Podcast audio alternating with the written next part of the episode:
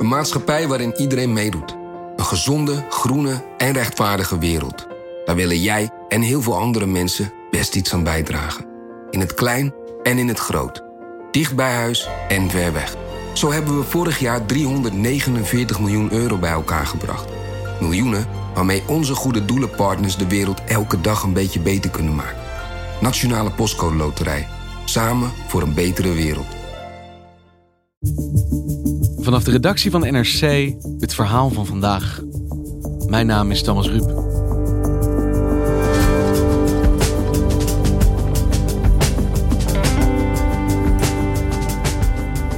Dit weekend is het 25 jaar na de val van de Bosnische enclave Srebrenica.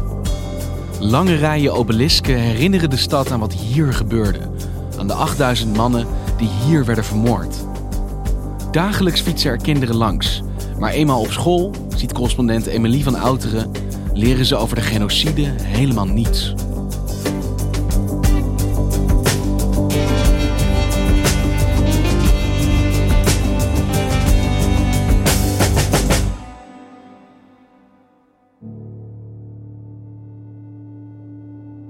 Vorige week was ik voor het eerst in mijn leven op de begraafplaats van Potocari. Dat is vlakbij het dorpje Srebrenica.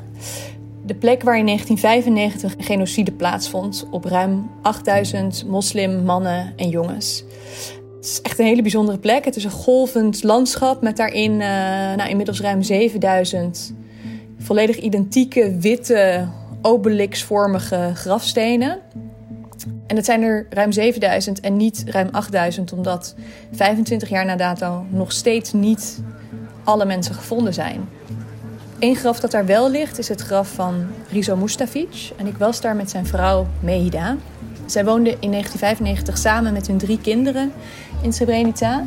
En hij is van haar en hun twee dochters en hun zoon gescheiden door de Bosnisch-Servische milities. We zijn daar op de begraafplaats geweest. En uh, ja, ze schreef daar in het gastenboek gewoon een berichtje aan hem van... Hi lieverd, ik ben hier. Ik was, ik was hier met Damir, hun zoon. En uh, ja, ze laat briefjes achter zoals wij een appje zouden sturen aan iemand. I dok sam ja radila, gradila, gradila, ja sam tu dok sam završila kuću. En dat is ook hoe ze eigenlijk praat tegen dat graf. Alsof ze nog ja, niet samen zijn natuurlijk, maar dit is het dichtstbij dat ze kan komen. Dit weekend is het precies 25 jaar geleden dat wat de veilige enclave Srebrenica moest zijn, viel. En die plek in Potocari is dus ook waar zij Rizo 25 jaar geleden voor het allerlaatst gezien heeft. En wie was hij, Rizo Mustafic? Nou, hij was gewoon een, een bewoner van Srebrenica, zoals er voor de oorlog in Bosnië wel 37.000 waren. Maar zijn verhaal is bijzonder omdat hij als elektricien werkte voor de militairen die daar namens de Verenigde Naties gelegerd waren. Dat waren Nederlandse militairen onder de naam Dutchbed. En die oorlog begon in 1992. Na Slovenië en Kroatië splitste ook Bosnië zich af van uh, wat Joegoslavië was geweest. Uh, en dat escaleerde volledig.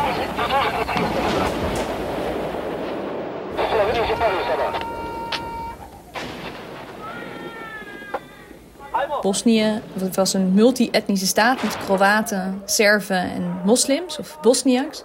En die hebben allemaal, maar toch de Serven voorop, hun eigen gebied geprobeerd te zuiveren van alles wat anders was. Alle mensen die anders waren, en voor Srebrenica waren dat de moslims, uh, moesten weg, dood, verkracht, geëxecuteerd, opgeruimd, begraven.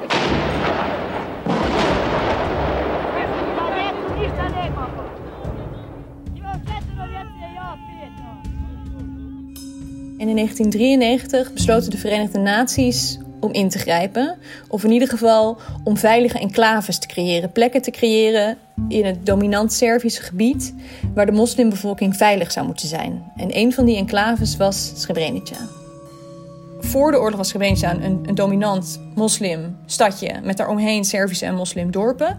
Tijdens de oorlog, vanaf dat het een enclave werd in 1993, was het eigenlijk een heel groot vluchtelingenkamp. 30.000 moslims zitten hier al weken als ratten in de val.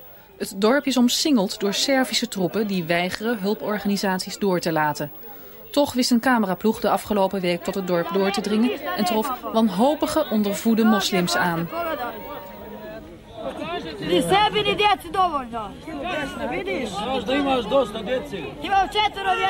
Ook in, Mehida vertelde ook in dat huis waar zij nu alleen woont, woonden ze toen wel met 40 mensen, allerlei gezinnen die, uh, die op de vlucht waren en daar een veilige plek zochten. En de islamitische meerderheid kon zichzelf niet beschermen tegen de Servische Bosniërs. Nee, de Serviërs waren vele malen beter bewapend. In Bosnië heeft op zich een grotere moslim of Bosniak bevolkingsgroep dan Servisch. Uh, maar ze hadden niet wat de Kroaten en de Serven wel hadden: eindeloze aanvoer van voedsoldaten, generaals en wapens. Dus, dus dat was toch de bevolkingsgroep die echt het meest in de verdrukking kwam. En de bedoeling was dat de Verenigde Naties hen beschermden. En uh, specifiek Srebrenica, die enclave, werd beschermd door Dutchbed. Dutchbed 3 op het moment, zeg maar de derde lichting van enkele honderden Nederlandse militairen... die daar met blauwhelmen, zoals we het noemen, dus onder de vlag van de Verenigde Naties naartoe gestuurd waren. En een belangrijke voorwaarde van wat zij daar deden was dat ze gesteund zouden worden door door de rest van de Verenigde Naties. En dat als die Serviërs opnieuw iets van plan waren, want dat hing wel in de lucht, dat ze daar in ieder geval luchtsteun zouden krijgen. Na diverse bemiddelingspogingen van de EG heeft de VN inmiddels een vredesmissie in Joegoslavië gestationeerd. Het probleem is echter dat die niet de minste indruk maakt op de strijdende partijen. De VN-vredesmissie kan namelijk zelf niet militair ingrijpen. En wanneer ging het mis met Dutchbed? Het was al echt al een paar maanden heel onrustig, maar wij, wij hanteren de datum van, van 11 juli. Dames en heren, er heeft zich uh, vanmiddag een uh, ramp van grote omvang voltrokken met verregaande consequenties. De enclave Srebrenica is gevallen, is onder de voet gelopen door de Serviërs. Meda, Riso en hun, hun gezin, ze hadden ook hun toevlucht gezocht op, op de Dutchbed basis, op de compound in Potocari, tegenover waar nu de begraafplaats ligt. En daar zijn ze weggestuurd. In de enclave zijn, of moet ik zijn, zeggen, waren 40.000 moslims aanwezig. Uh, de ernst van de huidige situatie is natuurlijk dat uh, in de enclave... Uh, die nu in handen is van de Bosnische Serviërs uh, dingen kunnen gebeuren die ook elders zijn gebeurd... Uh, waar Bosnische moslims zijn uh, overmeesterd. Die Dutchbed-soldaten hebben, hebben op een gegeven moment besloten... dat er is geen eten, er zijn geen sanitaire voorzieningen. Deze mensen moeten hier weg. Ook hij, die daar werkte als elektricien, vertel jij. Ja, de man van Meda. Dus Rizo had, ja, hij was gewoon een medewerker. Hij was niet zomaar een. En, en, en niet dat iemand anders die daar omgekomen is het wel verdient. Maar ja, hij had wel een bijzondere status. En zelfs hem, zou je dus kunnen zeggen, zelfs hem konden ze niet beschermen. De VN zou nu proberen uh, om een staakt het vuren voor elkaar te krijgen. Wat is het laatste nieuws wat dat betreft? Uh, er is een staakt het vuren. De Serven hebben gewonnen. Er wordt nu niet meer geschoten. De Serven zijn heer en meester in de enclave.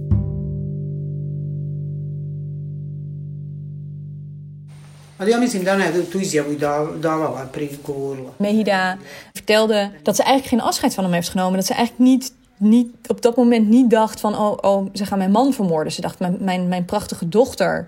Misschien kan ze verkracht worden. Mijn zoon is eigenlijk de leeftijd van de jongens die hier nu aan de andere kant worden verzameld. Ze had een baby. Rizo had de baby vast op het moment dat zij van elkaar gescheiden waren. Dus de, de laatste, het laatste wat zij met elkaar meegemaakt is dat hij hun dochter aan haar overhandigt. Met het idee: oké, dit is vreselijk, er is paniek, er is chaos. Uh, niet iedereen zal dit overleven, maar wij zullen elkaar weer zien. Samo su, ja, sam rekla tom vojniku da je on s nama, oni držu dijete. Geen tel in het hoofd dat dit de laatste keer zou kunnen zijn dat ze elkaar zagen. Nee, ze zegt, ze zegt dat, ze, dat ze zelfs totdat 16 jaar later, 16 jaar na 1995, zij zijn restanten, zijn botten, uh, die in een massagraf zijn gevonden, heeft moeten identificeren dat er altijd hoop was. Dat er altijd wel het idee was, hij is nog ergens. I on je men sam rekao, uzmi to dijete, marš naprijed dok nije kasno iza. Die mannen en jongens zijn dus, dus vermoord, geëxecuteerd ehm, en in massagraven gegooid over het algemeen. Maar om de sporen uit te wissen hebben die Bosnisch-Servische milities... zijn ze ook weer met lichamen gaan zeulen. Dus er zijn, zoals dat heet, secundaire en tertiaire massagraven ontstaan. We hadden ook in de krant verhaal voor de identificatie daarvan. En dat, dat van één persoon wel op 50 verschillende plekken lichaamsdelen zijn gevonden. Het is ook hard gewerkt door die Serviërs om de waarheid over die genocide te verbergen. Het bewijs. Zeker. Maar uiteindelijk is het bewijs wel gevonden door de internationale gemeenschap dat dit gebeurd was en dat het ook daadwerkelijk genocide was. Zeker, zeker. Nee, uiteindelijk hebben, uh, zijn er natuurlijk verschillende mensen, uh, generaals, politie, Karadzic, Mladic, voor het Joegoslavië-tribunaal in Den Haag veroordeeld voor deze genocide. Dat is natuurlijk uitvoerig bewezen voordat zij daar een levenslange gevangenisstraf voor kregen. The crimes committed rank among the most heinous known to humankind and include genocide and extermination as a crime against humanity. For having committed these crimes, the Chamber sentences Mr. Ratko Mladic to life imprisonment. En Mehida, wat is zij gaan doen na dat ze van haar man gescheiden was en na de val van Srebrenica? Ze vertelde mij dat ze al voor 1995, voor die enclave viel in juli, het erover gehad hadden dat zij daar weg moest met de kinderen. Dat het niet veilig was. Hij zei: uh, dit, dit klotenland bestaat niet meer. En Nederland was een logische bestemming. Immers, die, die mannen met wie die werkte, woonden daar. En zij zegt ook: Ik dacht, als er één land is waar mensen begrijpen wat ik heb meegemaakt, waar iedereen weet wat hier gebeurd is, dan is het Nederland. Maar met dat begrip viel het helaas nogal tegen. Want? Hoe merkte ze dat? Gebrek aan kennis. Mensen die helemaal niet wisten wat er in Bosnië aan de hand was. Of misschien wel iets gehoord hadden dat er iets was met Dutchbed. Maar dat daar 8000 mannen en jongens vermoord waren en dat, dat haar man daarbij hoorde. Ja, dat, dat, dat, dat werd niet begrepen, dat werd niet gezien. En ze heeft ook uiteindelijk besloten zelf om terug te gaan nadat haar jongste dochter oud genoeg was om voor zichzelf te zorgen. Zij heeft uh, zes jaar geleden besloten: ja, dit, is, dit is mijn plek, dit is mijn thuis, hier zijn mijn herinneringen. Ja sam ovdje zasnivala moj mladi život. Ja sam se ovdje naučila da živim. Ja ovdje volim. A oni osnivaju svoje živote. Oni moraju sa životom dalje. En ook een beetje dieper nog, als ik hier niet terugkom, als de familie Mustafic hier gevlucht is en niet meer terugkomt, dan is de genocide gelukt. Dan is de etnische zuivering gelukt. Dus zij heeft zes jaar geleden daar haar huis weer opgebouwd. Op dezelfde plek waar het stond. En woont daar nu een paar kilometer van, uh, van de begraafplaats in Potocari. En jij bent haar daar dus gaan opzoeken in Srebrenica. Wat is dat op dit moment voor een plek? Hoe gaat het daar? Het is gewoon helemaal ontvolkt. Er wonen misschien nu nog 6000 mensen, waarvan ongeveer de helft Servisch. En dat zijn vaak mensen die ook familie hebben verloren in de oorlog, maar ook in veel gevallen hebben meegedaan aan het geweld. En 3000 moslims die zijn teruggekeerd. En het is een beetje gek, want Bosnië ontvolkt sowieso. Het, het loopt leeg. Mensen stemmen met hun voeten. Er is geen werk. Politiek is een chaos. Maar Srebrenica is bijzonder omdat er uit ja, toch ook schuldgevoel heel veel internationaal geld naartoe is gegaan. Nederland heeft er allerlei projecten gefinancierd. De, ik ben op de middelbare of de basisschool geweest, die met Amerikaans geld is opgeknapt. Uh, er zijn allerlei faciliteiten van een muziekschool, sportvelden. Uh, die Srebrenica eigenlijk een, een, een, een hogere levensstandaard geven dan veel van de stadjes en, en zeker de dorpen eromheen. En die geschiedenis, hoe leeft dat in het Srebrenica van nu? De, de Servische bevolking wil er eigenlijk niet over praten. Die zeggen snel, ja, maar wij hebben ook geleden. Of ik weet niet of het wel een genocide was. Het wordt erg, de, de geschiedenis wordt gebagatelliseerd en verzwegen. En dat is de afgelopen jaren, hoor ik van veel mensen, ook toegenomen. Sinds uh, het stadje niet langer een Bosnische moslim of Bosniak burgemeester heeft, maar een hele nationalistische Servische burgemeester. I to je možda bio jedan prelomni moment zbog koga sam se ja odlučio. Hij is gekozen vier jaar geleden. Zo vertelde hij mezelf, omdat Serven daar de hele tijd gediscrimineerd werden, hebben zij zich uh, verenigd. Pa vidite, mislim, ja gledam iz svog ugla, kao običan građanin. Zaista je bilo tako nepodnošljivo živjeti u Srebrenici kada nemate nikakvu perspektivu, nikakvu egzistenciju, ne možete se nikom obratiti. En hij is gewoon een fanatieke genocide-ontkenner. Hij zegt, nou ja, dat is, hij noemt het niet de val van de enclave Srebrenica, maar de bevrijding van Srebrenica in 1995. Het is een totaal, ja, eigenlijk parallele werkelijkheid. Dit hoor je op die plek, de plek waar die genocide zich heeft afgespeeld, dat er helemaal geen genocide geweest is.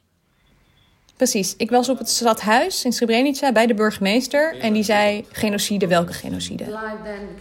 Sve te godine onda kada, kada, kada je Srebrenica oslobođena And when Srebrenica was finally liberated, i kada omogućen povratak na ognjišta, mi smo jedni od prvih koji su se vratili. allowed to return, we decided to come back immediately. Kuća je bila naravno porušena. Our house was from what? Od čega oslobođena? Od Bošnjaka. From Bosniaks. Ik kan me een verschil in invalshoek en een andere bril waardoor je naar de geschiedenis kijkt voorstellen. Maar een keiharde ontkenning, dit is toch onderdeel van de Bosnische geschiedenis? Dit moet daar toch ook op school geleerd worden? Bosnië is dus verdeeld tot op de dag van vandaag in etnische gemeenschappen met een hoge mate van zelfbestuur. En dat betekent ook eigen onderwijs. Elk kind heeft recht op onderwijs in zijn eigen taal en zijn eigen, van zijn eigen, wat dan nationale groep heet. Wat betekent dat de Bosnische en de Servische kinderen die in Srebrenica wel degelijk samen naar school gaan. De school is niet gesegregeerd zoals op andere plekken. Voor geschiedenis, aardrijkskunde, taal en religie, die vakken worden ze uit elkaar gehaald. En dan hebben ze hun eigen lesmethode. Maar in beide lesmethoden wordt deze periode niet goed of niet onderwezen. En het is ook nog zo dat in Srebrenica ook de Bosnische kinderen een Servische docent krijgen om hen hun geschiedenis te vertellen.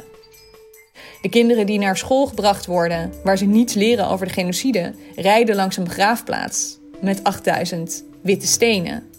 En ik heb ook wat jongens van, van 15 daarover gesproken. En die zeiden, ja, het wordt gewoon niet behandeld op school. We hebben het er niet over. De geschiedenis die geleerd wordt op de school in Srebrenica houdt op bij het uiteenvallen van Joegoslavië. En, en de periode die daarna komt is te pijnlijk en te controversieel om het over te hebben. En wat betekent dat dan voor zo'n plek? Dat er niks van gedeelde geschiedenis is ontstaan in Bosnië, in Srebrenica. Dat twee bevolkingsgroepen die ooit met elkaar zo in conflict zijn geweest, nog steeds hun eigen waarheid erop nahouden. Is daar iets geheeld of sluimert de oorsprong van dat conflict daar nog steeds?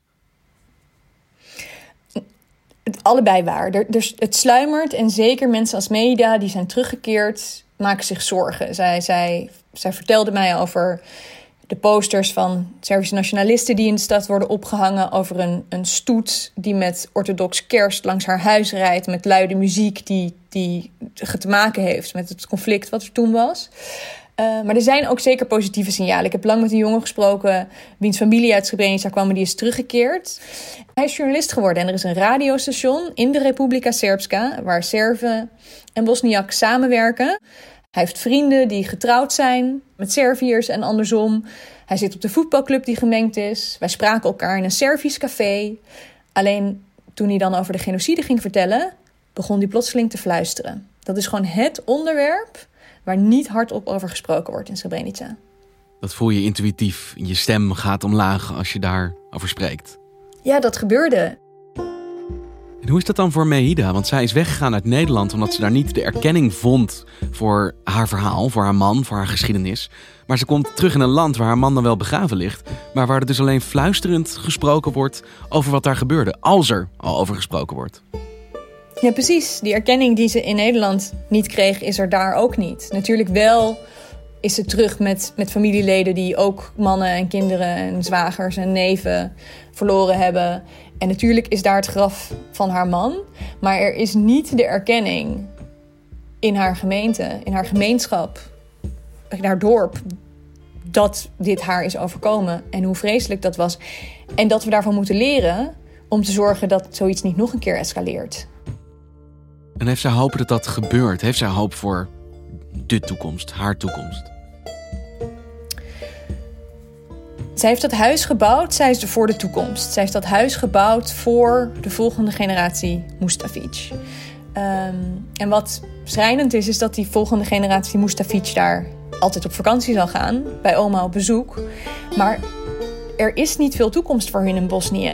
Maar de, de, de vele tienduizenden, zo niet honderdduizenden Bosniërs die het land ontvlucht zijn, die zullen niet snel terugkeren.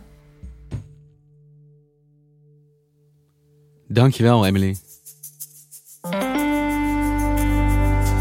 Je luisterde naar vandaag, een podcast van NRC. Vandaag wordt gemaakt door Mirjam van Zuidam, Henk Ruigrok van der Werven, Tessa Kolen, Ido Haviga, Julie Blusset, Jan-Paul de Bond, Ruben Pest, Felicia Alberding, Jeppe van Kesteren, Misha van Waterschoot en Floor Boon. De muziek die je hoort is van Rufus van Baardwijk. Dit was vandaag, maandag weer.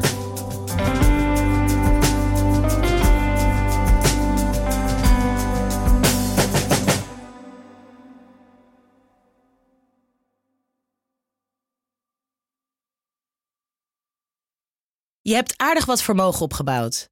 En daar zit je dan, met je ton op de bank. Wel een beetje saai, hè? Wil jij, als belegger, onderdeel zijn van het verleden of van de toekomst? Bridgefund is een slimme fintech die een brug slaat tussen de financiële behoeften van ondernemers en van beleggers. Dus wie belegt bij Bridgefund krijgt niet alleen een mooie vaste rente, maar brengt ook ondernemers in beweging. Echt waar, met die ton kan je zoveel betere dingen doen. Bridgefund. Make money smile.